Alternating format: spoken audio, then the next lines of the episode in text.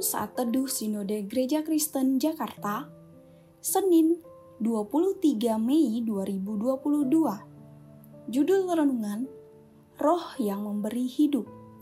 Nats Alkitab terambil di dalam kitab Roma pasal 8 ayat 14 sampai 17. Semua orang yang dipimpin Roh Allah adalah anak Allah sebab kamu tidak menerima roh perbudakan yang membuat kamu menjadi takut lagi, tetapi kamu telah menerima roh yang menjadikan kamu anak Allah. Oleh roh itu kita berseru, Ya Aba, ya Bapa. Roh itu bersaksi bersama-sama dengan roh kita bahwa kita adalah anak-anak Allah. Dan jika kita adalah anak, maka kita juga adalah ahli waris. Maksudnya, orang-orang yang berhak menerima janji-janji Allah yang akan menerimanya bersama-sama dengan Kristus, yaitu jika kita menderita bersama-sama dengan Dia, supaya kita juga dipermuliakan bersama-sama dengan Dia.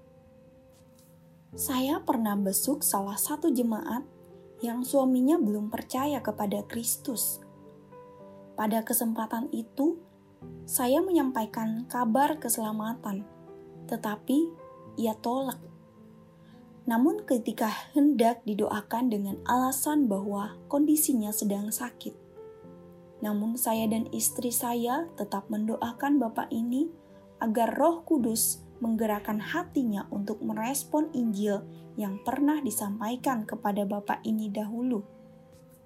Saya percaya bahwa hanya Roh Kuduslah yang sanggup mengubah dan berkuasa penuh untuk memberikan iluminasi kepada hati yang terbelenggu oleh perbudakan dosa.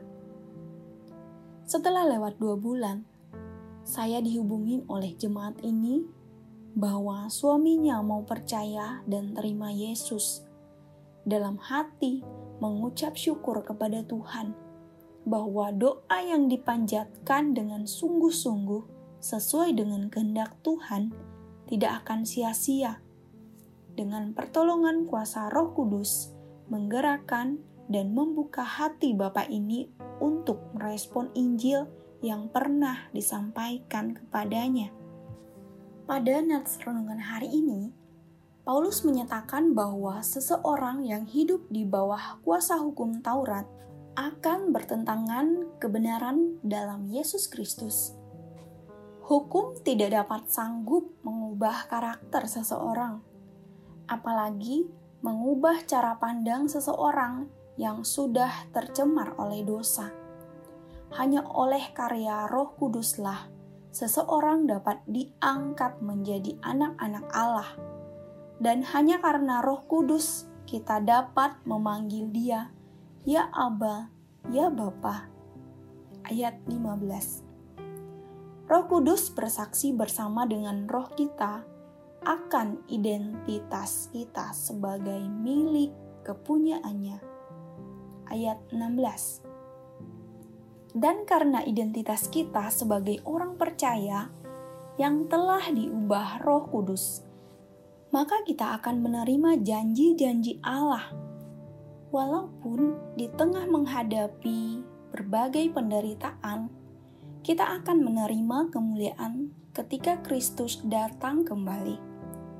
Ayat 17 Saudaraku, hukum Taurat tidak berdaya memberi hidup pada manusia. Hanya roh yang memberi hidup dan bahkan memimpin manusia kembali kepada keselamatan.